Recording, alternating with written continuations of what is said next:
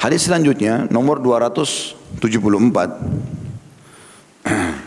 Imam Bukhari berkata rahimahullah, Ismail mengabarkan kepada kami ia berkata, Malik mengabarkan kepadaku dari Ibnu Syihab dari Urwa an Aisyah radhiyallahu anha annaha qalat ma khuyyira Rasulullah sallallahu alaihi wasallam baina amrayni illa ikhtara aisarahuma ma lam yakun ithman fa idza kana ithman kana ab'adan nas minhu. Wa man taqama Rasulullah sallallahu alaihi wasallam li nafsihi illa an tuntahaka hurmatullah taala fayantakima lillahi azza termasuk akhlak yang mulia Nabi SAW ini yang seharusnya melekat dalam diri setiap muslim. Kita akan bacakan. Terjemahannya adalah dari Aisyah radhiyallahu anha beliau berkata tidaklah Rasulullah SAW dihadapkan pada dua perkara, melainkan beliau memilih yang paling mudah di antara keduanya. Selama itu bukan dosa. Kalau ada pilihannya, ini atau ini ya Rasulullah, maka Nabi pilih yang paling mudah, supaya mudah untuk diamalkan. Selama bukan dosa, jika itu dosa, maka beliau SAW adalah orang yang paling jauh darinya. Dan Rasulullah SAW tidak dendam atau balas dendam untuk dirinya sendiri. Walaupun orang sudah sakiti, beliau tidak dendam. Kecuali jika kesucian Allah Ta'ala dilanggar. Kalau sudah sampai hukum Allah dicoreng, namanya Allah dirusak, barulah Nabi SAW pada saat itu marah. Ya, balas dendam karena Allah Subhanahu Wa Ta'ala. Al-Quran dicoreng, hukum-hukum Allah ditolak, barulah Nabi SAW memerangi mereka. Kalau masalah hak beliau pribadi, nggak ada urusannya. Nabi SAW termasuk orang yang memiliki sifat lapang dada yang luar biasa. Memaafkan semua orang yang berbuat salah dengan beliau alaihissalam. Gitu kan. Kita baca dulu kandungan hadis yang ditulis di sini, baru kita syarah atau jelaskan lebih jauh. Kandungan hadis yang pertama, Islam merupakan agama yang porosnya adalah kemudahan dan menyingkirkan kesulitan. Artinya agama ini mudah. Islam ya sangat menekankan semua penganutnya agar mendahulukan mana yang lebih mudah buat kita. Kita lagi safar misalnya. Dalam safar itu kita merasa kesulitan untuk sholat itmam, menyempurnakan sholat. Ya, karena mungkin perjalanan segala macam. Islam datang dengan kemudahan. Jamaklah, qasarlah. Sebagai rukhsah, kemudahan. Lagi safar, puasa Ramadan, wajib. Masih bisa diganti dengan hari yang lain. Gitu kan? Wanita lagi haid, punya halangan. Setiap saat dia harus membersihkan kemaluannya atau rahimnya gitu kan, di kamar mandi. Maka dimudahkan, tidak ada sholat, tidak ada puasa bagi mereka. Dan seterusnya, kemudahan-kemudahan datang. Zakat setahun sekali bagi yang mampu. Haji juga bagi yang mampu. Sekali seumur hidup. Saya pernah jelaskan Islam ini sangat mudah. Ya, kelima rukunnya semuanya mudah. Dan kalau ini diyakini, diamalkan cukup untuk jadi tiket masuk ke dalam surga. Syahadat semua orang bisa ucapin. Ada seseorang datang mau masuk Islam, asyhadu an la ilaha illallah wa anna Muhammad Rasulullah wa asyhadu anna Muhammad Rasulullah, masuk Islam selesai, meninggal, masuk surga. Itu kan? Urusan dia masalah dia ikhlas atau tidak kepada Allah taala, tapi secara zahir hukum syar'i menjelaskan dia masuk surga. Salat sehari lima waktu. Pernah kita jelaskan itu. Satu hari kita punya 24 jam. Kalau kita kasih hitungan menit solat per solatnya subuh, duhur, asar, maghrib, isya 10 menit berarti 50 menit. Kita masih punya waktu selain itu 23 jam plus 10 menit. Anggap satu jam lah solat itu. Maka berarti kita masih punya 23 jam. Ini kita bicara wajibnya saja. Zakat setahun sekali bagi yang mampu saja memenuhi syarat ada haul masa setahun ada nisab kadar minimal 85 gram emas kalau enggak sampai enggak ada zakat puasa Ramadan setelah 11 bulan kita gunakan tubuh kita untuk makan minum segala macam butuh diservis sebulan untuk memperbaharui kerusakan yang terjadi selama 11 bulan ya kita makan pedas ya dingin ya panas segala macam tidak kenal waktu tidak kenal kebersihannya maka satu bulan diservis. Ya. Sebulan dalam satu tahun dan haji yang terakhir itu sekali seumur hidup bagi yang mampu juga. Gak ada yang berat dalam agama. Apanya yang berat? Saya pernah jelaskan itu. Ada orang Badui datang masuk Islam di tangan Nabi SAW dan dia menanyakan kepada Nabi tentang lima rukun Islam. Setelah Nabi jelaskan, dia mengatakan apa yang saya dapat ya Rasulullah. Kalau saya mengamalkan kelima rukun Islam itu, kata Nabi SAW, kau akan masuk surga. Maka dia mengatakan demi Allah saya tidak akan menambah dan mengurangi. Lalu keluar dari masjid. Artinya ini saja saya kerjakan. Saya enggak kerjakan sunnah pun dia enggak niat untuk kerjakan. Kata Nabi SAW, siapa yang mau lihat ahli surga, lihat orang ini. Agama mudah. Ad-din yisr. Jangan dipersulit. Ya. Kata Nabi SAW, yassiru wala tu'assiru. Mudahkan agama dan jangan persulit. Gitu kan? Wabashiru wala. Sampaikan berita gembira dan jangan membuat orang lari. Maknanya adalah kalau kau ingin motivasi orang lain berbuat kebaikan, selalu berikan janji-janji. Misal gini, ada orang kita mau motivasi sholat. Yang kita nasihati adalah kita jelaskan kepada dia keutamaan sholat. Kalau dia sholat dia dapat apa sih? Jangan langsung datangkan ancaman. Kalau kau nggak sholat masuk neraka. Kalau kau nggak puasa dibakar nanti begini dan begitu. Orang sudah lari duluan. Gitu. Tetapi motivasi, keutamaan. Bahkan Nabi SAW berkata kepada Mu'ad bin Jabal radhiyallahu sahabat Nabi yang mulia ini dai. Nabi kirim ke Yaman. Nabi nasihati, "Hai Mu'ad, kau akan datangi ahli kitab, Yahudi dan Nasrani. Yang pertama kau dakwahi, asyhadu an la ilaha illallah wa anni rasulullah." Tidak ada Tuhan yang berhak disembah kecuali Allah dan Muhammad adalah utusannya. Kalau mereka terima itu dari kamu, baru kamu sampaikan sehari semalam Allah perintahkan mereka sholat lima waktu. Kalau mereka terima itu darimu, Ya, ini bahasa kalau mereka terima ini adalah tahapannya. Baru kau sampaikan bahwasanya orang kaya mereka mengeluarkan harta yang lebih dari mereka zakat yang diberikan kepada orang miskin mereka. Kalau mereka terima itu, sampaikan mereka diperintahkan puasa Ramadan setahun sekali. Kalau mereka terima itu, bahasakan kalau mereka diperintahkan ke rumah Allah Baitullah Ka'bah, itu haji sekali seumur hidup. Dan hati-hati hai Mu'ad setelah itu dari menyentuh harta-harta terbaik mereka. Jangan kau tunggangi agama untuk ngambil duit mereka, gitu kan? Dan hati-hatilah juga dengan dakwanya atau doanya orang-orang terzalimi karena enggak ada hijab antara dia sama Allah Subhanahu taala. Jadi Nabi SAW sampaikan tahapan-tahapan tersebut. Di dalam Al-Qur'an juga pengharaman khamr itu melalui proses.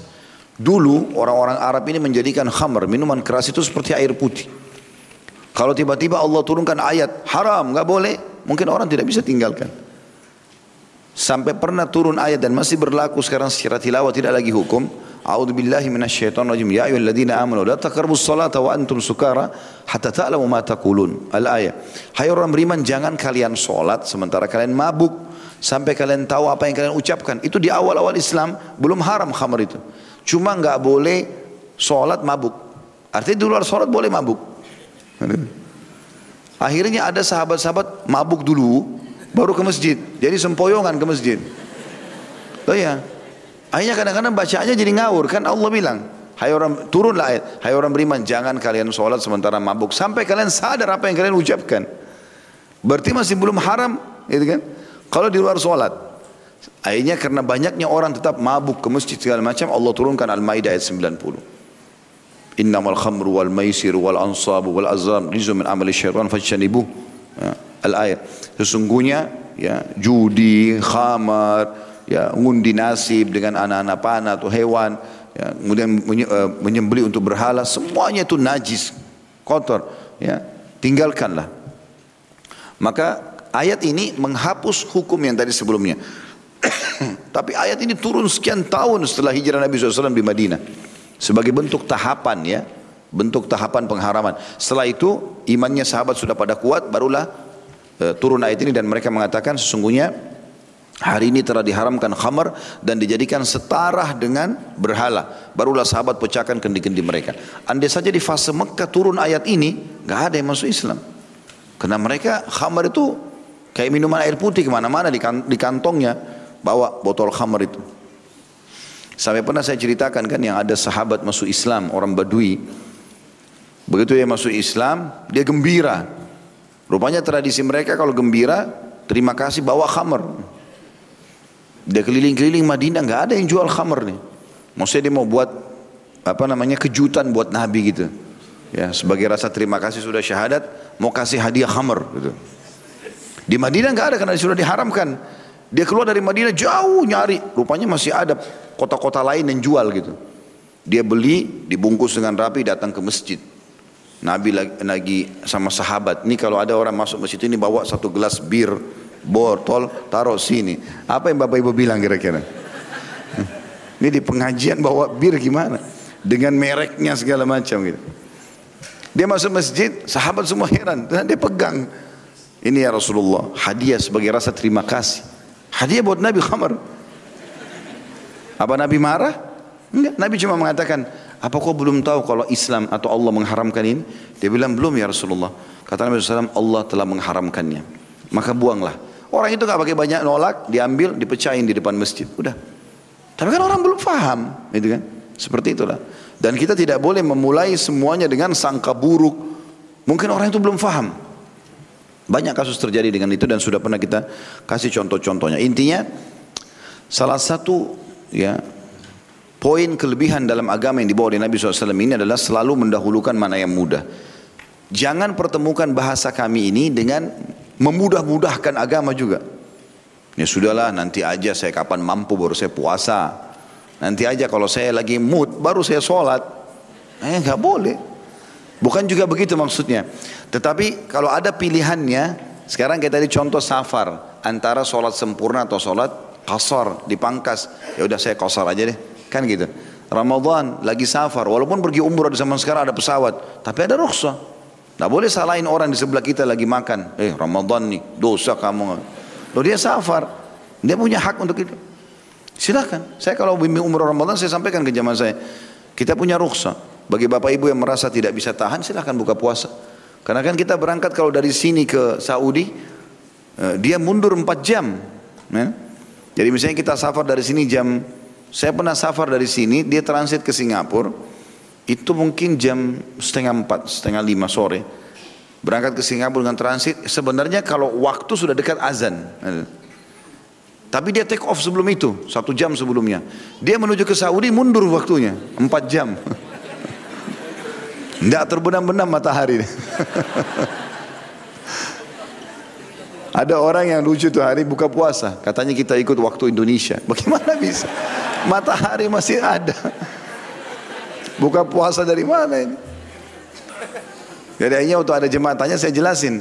Kalau itu alasannya, kita juga diberikan Allah keringanan. Misal kita balik sekarang, kalau kita dari Saudi berangkat. Kalau kita berangkat dari Saudi jam 10 pagi misalnya. Itu udah jam 2 siang waktu Indonesia. Jadi baru berapa jam berangkat sudah azan maghrib. Jadi harusnya bisa difahami seperti itu. Jadi kita boleh tidak boleh menggampang-gampangi, tapi memang kalau kita diberikan opsi pilihan antara ini berat dengan ya ringan maka kita pilih. Apalagi kalau itu sunnah ya. Kalau kewajiban nggak boleh tentunya. Kewajiban harus kita dahulukan. Ya pernah Nabi SAW didatangi oleh seorang sahabat yang berkata ya Rasulullah saya sholat malam tapi ngantuknya luar biasa. Jadi pada saat itu betul-betul dia capek dari safar dia ngantuk. Nabi SAW mengatakan tidurlah. Tidur dulu kemudian baru kamu sholat tapi Nabi nggak bilang tidak usah kamu sholat malam enggak Nabi bilang istirahat dulu baru kemudian kau bangun jangan juga tinggalkan karena keutamanya besar gitu kan seperti itulah. Itu yang dimaksud di sini. Yang kedua disunnahkan mengambil apa yang paling mudah dan yang paling bermanfaat selama tidak haram. Dan ini adalah manhaj atau metode para nabi yang lurus dalam seluruh urusan agama dan dunia. Yang ketiga, anjuran agar memberi maaf, berlemah lembut, menghilangkan gangguan dan membela agama Allah Subhanahu wa taala, ya.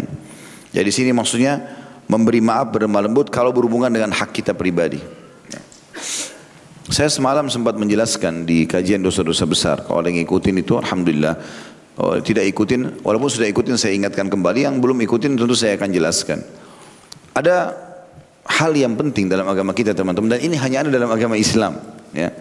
Luar biasa bagaimana agama ini mengajarkan kita itu. Hadits Nabi SAW, ajaban di amri mu'min, sungguh mengagumkan perkaranya orang-orang beriman. In asabau sarra syakar. Kalau dia diberikan nikmat, dia selalu bersyukur. Bisa makan, bisa minum, bisa berpakaian, bisa biologis halal, alhamdulillah. Wa in asabau darra sabar. Kalau dia diberikan cobaan, dia bersabar. Wala yakunu dzalika illa lil mu'min. Yang tidak dimiliki kecuali orang-orang beriman saja. Memang ini mengagumkan sekali. Maksudnya apa? Sebagaimana kita menikmati dan kita merasa nyaman pada saat kita sedang sehat, maka Islam mengajarkan kita pada saat kita sedang sakit, nikmati juga itu. Bukan disuruh keluh kesah. Karena ini sebuah hal yang pasti partner. Sebagaimana kita sehat, kita satu waktu akan sakit. Sebagaimana kita muda, satu waktu kita akan tua. Sebagaimana kita hidup, satu waktu kita akan mati. Ada dunia, ada akhirat. Ada nikmat, ada cobaan. Dalam Islam, timbangannya ini harus sama. Kalau kita sadar ternyata saya dulu pernah sehat, begitu kita sakit, oh berarti ini sama. Artinya timbangannya sama. Dulu saya nikmati, ini juga saya nikmati. Jadi bukan berkeluh kesah, Begitu Islam ajarkan. Maka mengagumkan sekali perkata orang keadaan orang mukmin. Semua keadaannya baik. Semua dia nikmati. Maka menikmati proses cobaan itu sebuah kenikmatan tersendiri. Ya.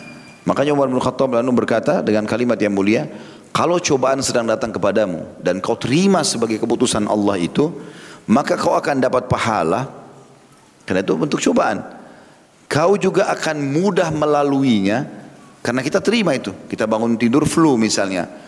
Atau kita mau keluar hujan. Misalnya, contoh ada halangan yang kita tidak bisa melakukan apa yang sedang kita inginkan. Kalau kita terima, oh ini keputusan Allah. Gitu kan?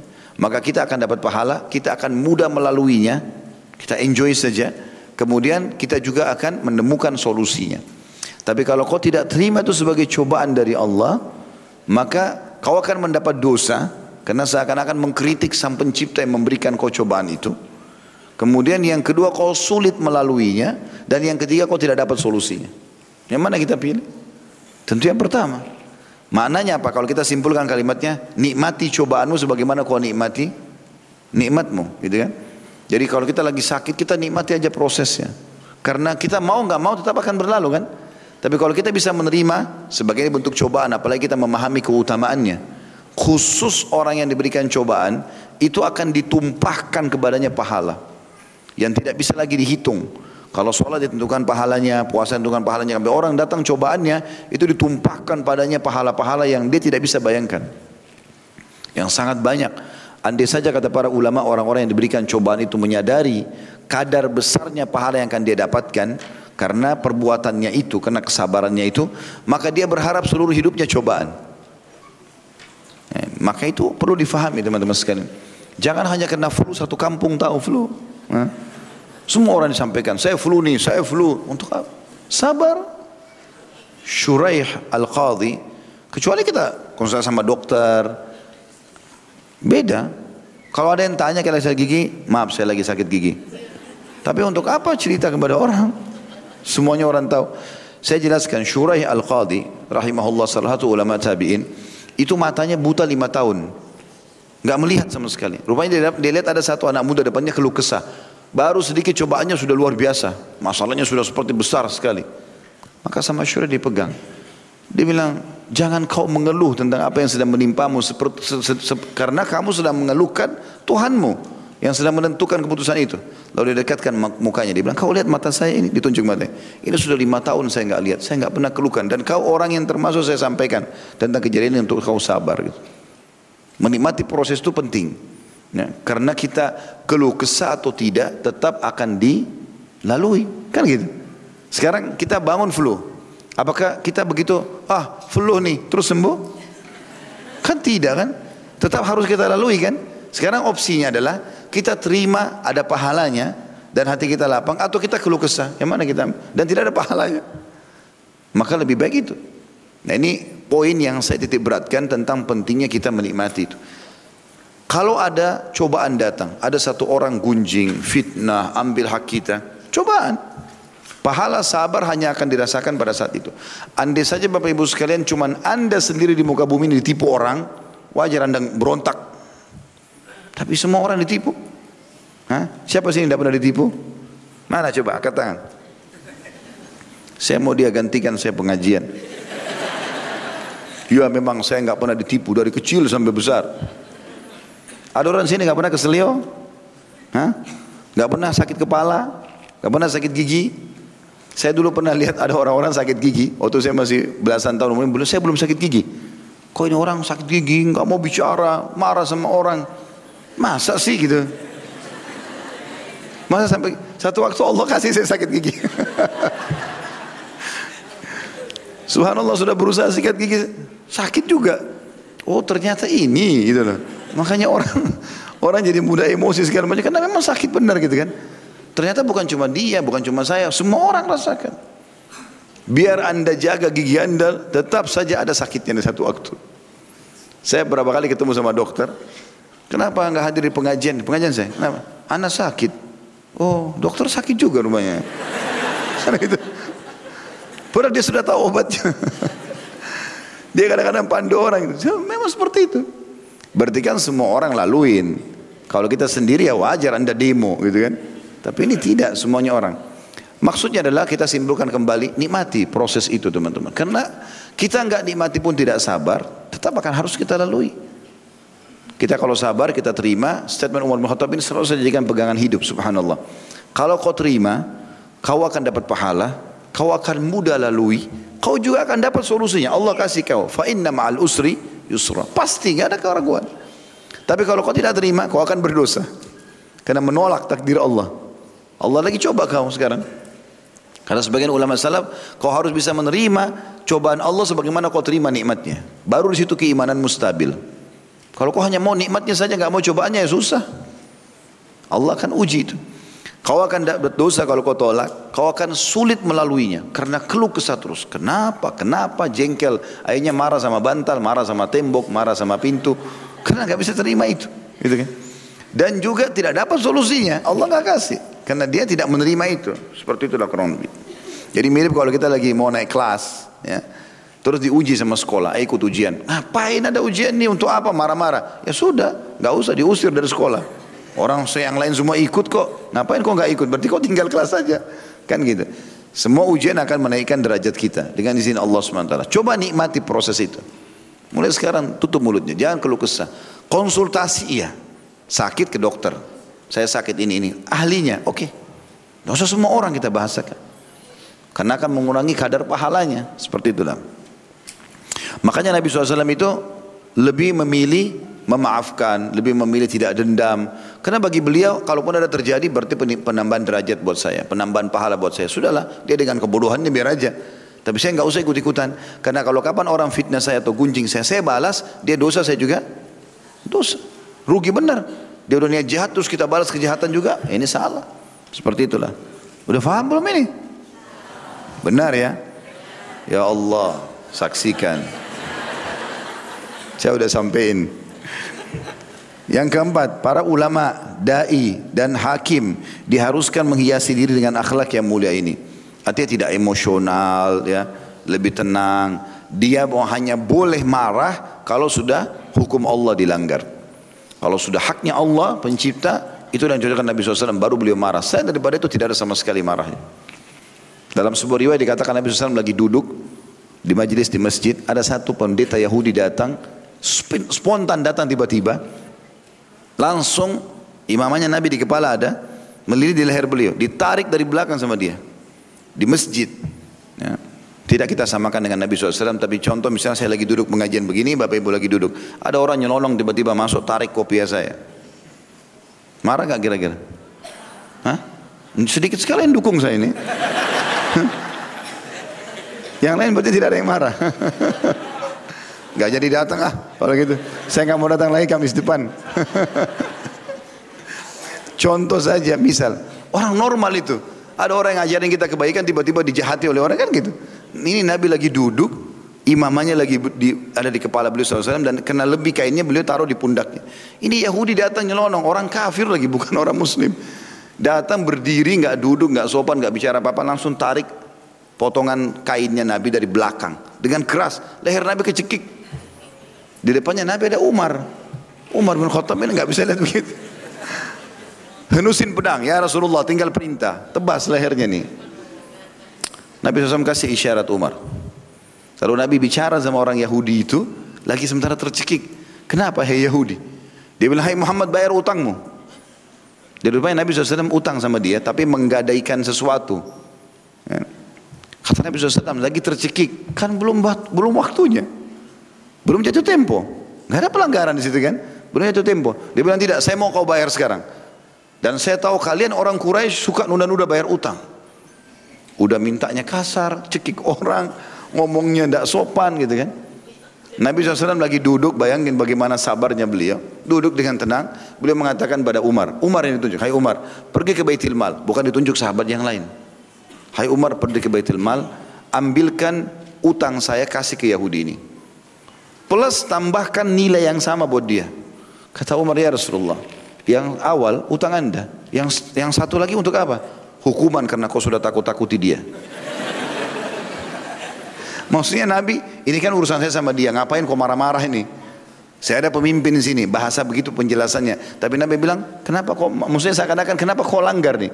Saya kan tahu, Nabi orang kuat, Nabi kalau mau patahin lehernya Yahudi ini gampang gitu. Orang semua Nabi diberikan kekuatan 10 laki-laki, tapi Nabi ingin memberikan pendidikan. Tambahkan, berikan utang saya dan tambahkan sama nilainya buat hukuman karena kau telah menakut-nakuti dia. Umar ini sambil jalan ke Baitul Mal sambil jengkel sama Yahudi ini. Yahudi ada di belakang jalan. Sampai ke Baitul Mal dikemas sama Umar. Umar bukan jengkel sama Nabi, jengkel sama si Yahudi ini. Belum faham kenapa dia lakukan ini. Dikumpul lalu dikasih sama dia. Ini ambillah. Baru waktu mau kumpul yang kedua, Yahudi itu bilang, Hai Umar nggak usah. Kata Umar, bukan urusanmu. Ini perintah Rasulullah SAW. Dia bilang, saya mau tanya Umar, kau tahu siapa saya? Kata Umar, saya tidak perlu tahu siapa kamu. Marah dia. Lalu dia mengatakan, saya Fulan bin Fulan. Rupanya namanya ini pendeta Yahudi yang sudah lama dikenal mau masuk Islam. Umar tahu tapi Umar belum pernah lihat mukanya. Umar berhenti langsung Umar tanya, apa kau betul dia? Dia bilang iya. Kenapa kau lakukan itu pada Rasulullah SAW? Kau tahu dia utusan Allah. Dia bilang, hai Umar, kau pikir saya orang gila? Saya datang ke masjid kalian, mencekik Nabi kalian, di depan kalian, saya sudah pertaruhkan nyawa saya. Umar bilang baik, jelaskan kepada saya. Kenapa kau lakukan? Dia bilang, hai Umar, saya menemukan semua ciri kenabian pada Muhammad kecuali satu. Semua ciri Nabi yang disebutkan dalam Taurat sudah ada, kecuali satu. Ada satu, ghalabat hilmuhu ghadabu. Sifat kasih sayangnya mengalahkan emosinya. Itu tadi saya lakukan sengaja. Mancing emosinya sengaja. Kalau dia betul-betul lolos dari ujian itu saya masuk Islam. Dan kau perlu tahu hai Umar, asyhadu an la ilaha illallah wa anna Muhammad Rasulullah. Masuk Islam karena akhlak yang mulia, gitu kan? Jadi begitulah baginda Nabi SAW bagaimana bermuamalah dengan orang. Kalau masalah hak beliau pribadi, masalah utang piutang, sudahlah. Gitu. Memang ini dari awal-awal tahap awalnya berat. Tapi kalau kita sudah lalui dan kita coba nikmati cobaan akan tidak ada masalah. Jelas kan? Ya Allah saksikan. Baiklah. Kita sekarang masuk ke tambahan syarahnya. Selain empat poin yang disampaikan tadi, dikatakan di sini oleh Aisyah radhiyallahu anha dan sudah sering kita sampaikan Nabi SAW menyampaikan hadisnya baik kepada para istri ataupun para sahabatnya dan ini sebuah poin yang sangat baik bagi suami yang faham agama mengajarkan pada istrinya dan bagaimana istri menyampaikan juga hadis tersebut. Dan ini menandakan seorang wanita muslimah boleh menyampaikan agama ini boleh menjadi dai ya gitu kan? Menyampaikan. Aisyah radhiyallahu menyampaikan tentang Nabi sallallahu alaihi wasallam dan beliau menceritakan karena tidak semuanya perkataan Nabi yang disampaikan tapi bisa juga sikap-sikap Nabi yang digambarkan oleh para sahabat di antaranya hadis ini. Ini menceritakan tentang maaf, sikap Nabi sallallahu alaihi wasallam. Sikap yang pertama adalah ma khuyyira Rasulullah SAW baina amrayni illa ikhtara aisarahuma ma lam yakun ithman. Bahwasanya Nabi SAW tidak pernah dikasih dua pilihan kecuali beliau memilih yang paling mudah di antara keduanya selama bukan dosa. Ini ada beberapa poin yang ulama titik beratkan. Yang pertama, kalau pilihan tersebut bukan kewajiban. Karena kalau kewajiban dari Allah, nggak boleh ada pilihan. Saya sholat sunnah atau sholat wajib ya. Sudah sholat sunnah aja, nggak bisa. Saya puasa Ramadan atau puasa sunnah, nggak bisa dipertemukan begitu. Karena sunnah sama wajib nggak bisa bertemu. Wajib harus sunnah hukumnya sunnah, gitu kan? Seperti itulah. Jadi selama bukan kewajiban itu yang pertama. Jadi kalau misalnya sunnah sama sunnah silakan saja. Atau kalau bertemu antara wajib sama wajib kayak tadi misalnya antara jamak qasar dengan itmam atau sempurna ini juga boleh. Jadi bukan bertemu antara yang lebih rendah atau mufaddal dengan yang afdal, yang lebih afdal, yang lebih baik.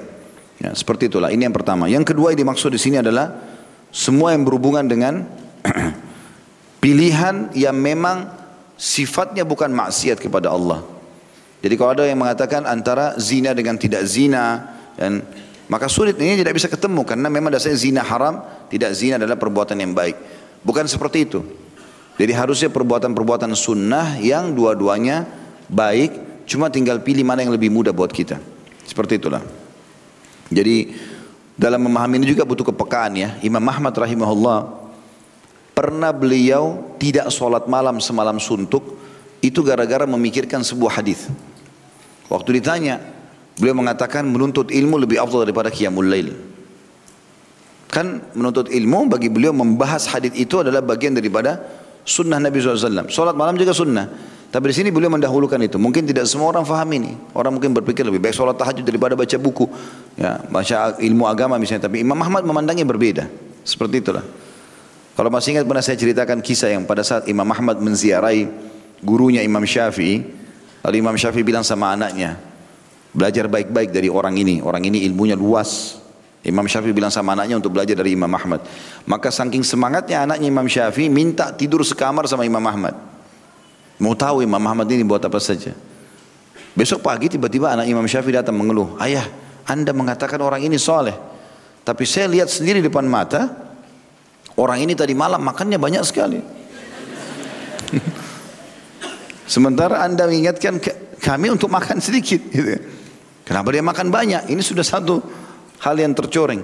Yang kedua, dia tidak sholat malam. Setahu saya orang-orang soleh, apalagi kalangan ulama, sholat malam ini sudah bukan waktu, sudah bukan lagi pilihan. Mereka sudah jadikan sebagai rutinitas gitu kan. Terus yang ketiga, dia sholat subuh ke masjid nggak pakai uduk. Maka Imam Syafi'i melihat ini masalah-masalah besar juga nih. Panggil Imam Ahmad dipanggil. Hai Ahmad, ini anak saya semalam tidur sama kamu. Dia ada tiga tanggapan nih. Yang pertama, kamu makan banyak katanya semalam. Bisa kamu jelasin? Dia bilang benar. Saya memang semalam waktu anda hidangkan makan, saya makan lebih banyak dari yang sebelumnya. Karena saya mengetahui rezeki anda halal. Maka karena rezeki halal jadi saya makan banyak. Andai saja syubhat atau haram saya tidak akan makan. Karena halal maka saya masukkan banyak halal dalam tubuh saya. Imam Syafi'i balik kepada anaknya. Lihat jawabannya. Gitu. Baik yang kedua, kenapa kau nggak sholat malam? Sholat malam ini dia, memang sunnah, tapi ini adalah orang yang kelas. Sekali berbeliau ulama nggak bakal tinggalin itu. Karena Nabi SAW mengatakan jangan tinggalkan sholat malam karena itu kebiasaan orang soleh sebelum kalian. Maka Imam Ahmad bilang semalam itu saya lagi memikirkan hadis dan bagaimana mengeluarkan banyak hikmah dan manfaat. Seperti ini kandungan hadis kandungan hadis ini. Ini kan harus duduk renungi oh ternyata kandungannya ini kandungan supaya ilmunya lebih luas. Semalam suntuk saya pikirkan itu. Dan saya menemukan menurungi ilmu lebih besar dan daripada sholat malam maka kata Imam Syafi'i kepada lihat bagaimana jawabannya berarti bukan tidak mau sholat malam tapi memang begini ya poinnya kalau khusus poin ini begini memahaminya kalau kita sedang menuntut ilmu, apalagi menulis karya tulis atau ingin mengorek sebuah hikmah dari ayat Al-Quran, dari sunnah-sunnah Nabi SAW, memang butuh konsentrasi. Ada teman saya, saya kenal satu seorang da'i, Masya Allah, tulisannya banyak sekali. Saya sampai duduk sama dia. Kalau saya kebanyakan seperti ini, saya sampaikan ceramah, tulisan karya mungkin tidak terlalu banyak, ada tapi tidak banyak. Beliau di produktif sekali. Saya tanya, gimana caranya antum nulis buku ini? Dia bilang, anak Ustaz duduk depan lab komputer, nggak berdiri kecuali untuk sholat, tidur dan makan saja. Makan pun istri anak suapin. Rupanya dia dengan duduk depan komputer itu lebih fokus. Jadi lebih cepat tertulis. Kita kalau nulis nih berapa paragraf terus kita pergi makan, keluar ke mana. Kembali lagi belum tentu idenya sama dengan awal. Seperti itulah kurang lebih. Maka Imam Ahmad seakan-akan mengatakan saya kalau bergerak sana sini mungkin hikmahnya ini akan hilang. Dia mau ngajarin kepada umat gitu kan. Seperti itulah.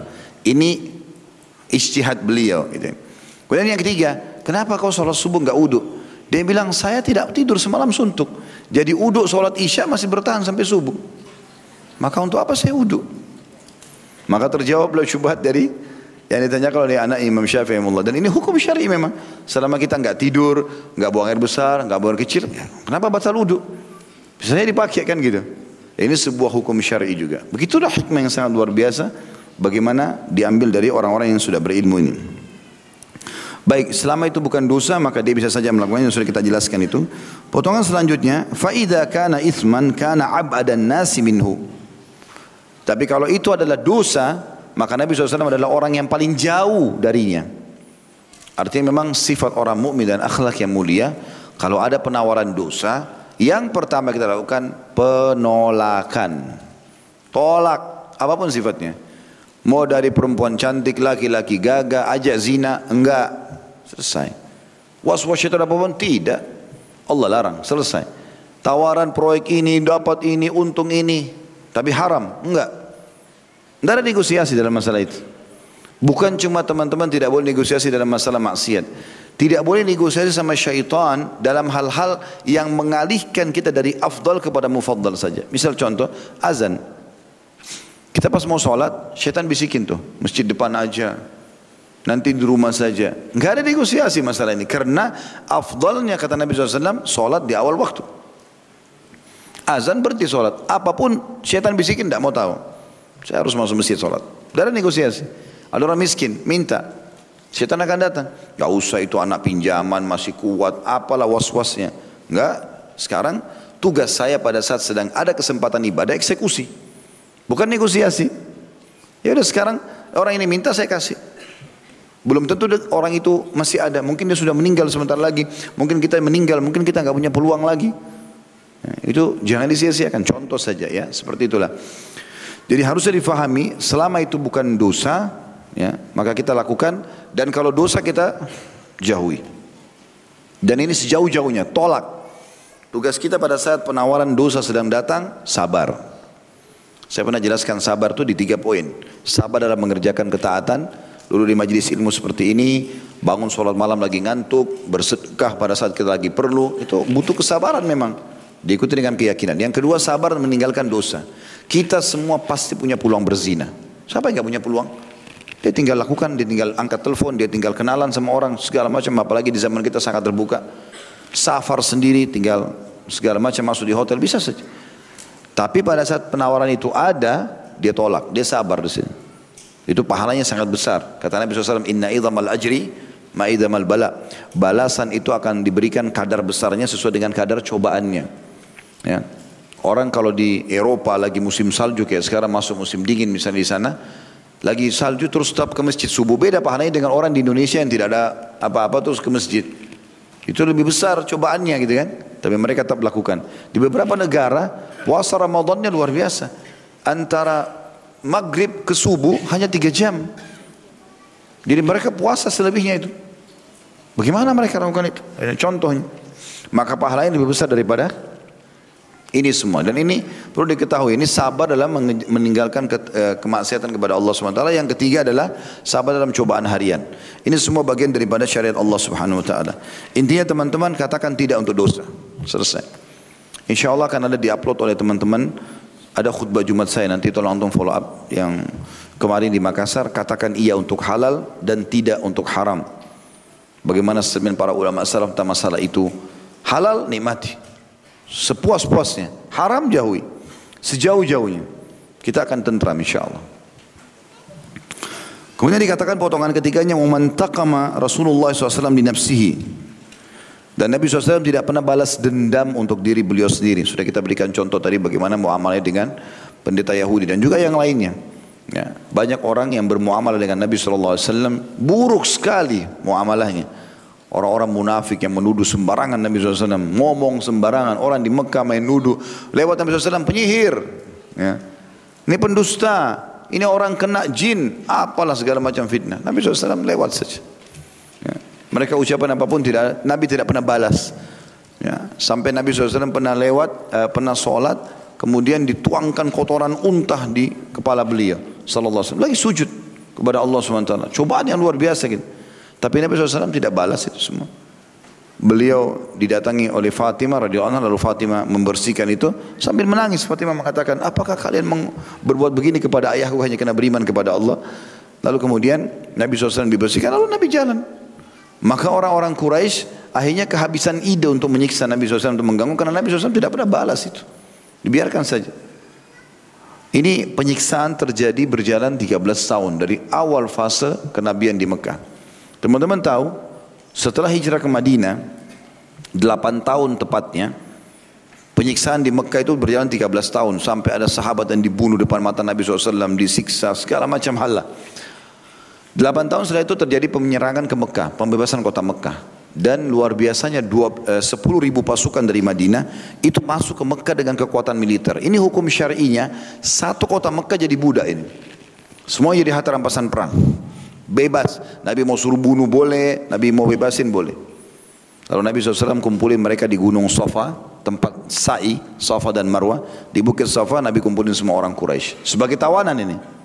Nabi SAW mengatakan, kira-kira menurut kalian apa yang akan saya lakukan? Artinya ini seakan-akan, bayangkan Bapak Ibu sekalian atau Bapak-Bapak sini kita menjadi panglima perang. Kita dulu, kita menyerang sebuah lokasi yang dulu ini menyiksa kita. Mengganggu, menyiksa. Bahkan rumah Nabi dirampas. Waktu Nabi SAW hijrah ke Madinah, dirampas oleh kerabatnya sendiri yang dalam keadaan kafir. Dijual. Sahabat-sahabatnya banyak dibunuh.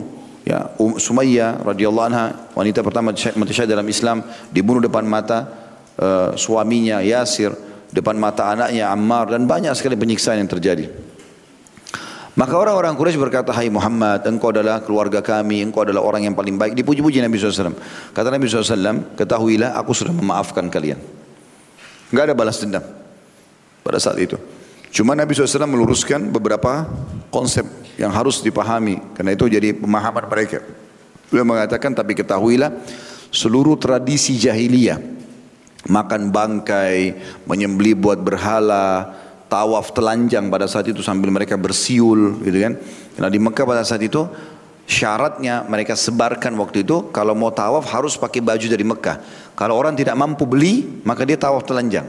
Di Ka'bah, di rumah Allah. Semua itu kata Nabi SAW dan disebutkan beberapa tradisi ada di bawah telapak kakiku. Sudah nggak ada lagi sekarang. Seperti itulah. Lalu Nabi SAW hancurkan berhala-berhala mereka di depan mereka untuk memberikan penyadaran kalau ini patung dan tidak bermanfaat. Tapi kita lihat bagaimana Nabi SAW tidak balas. Kejahatan itu dengan kejahatan.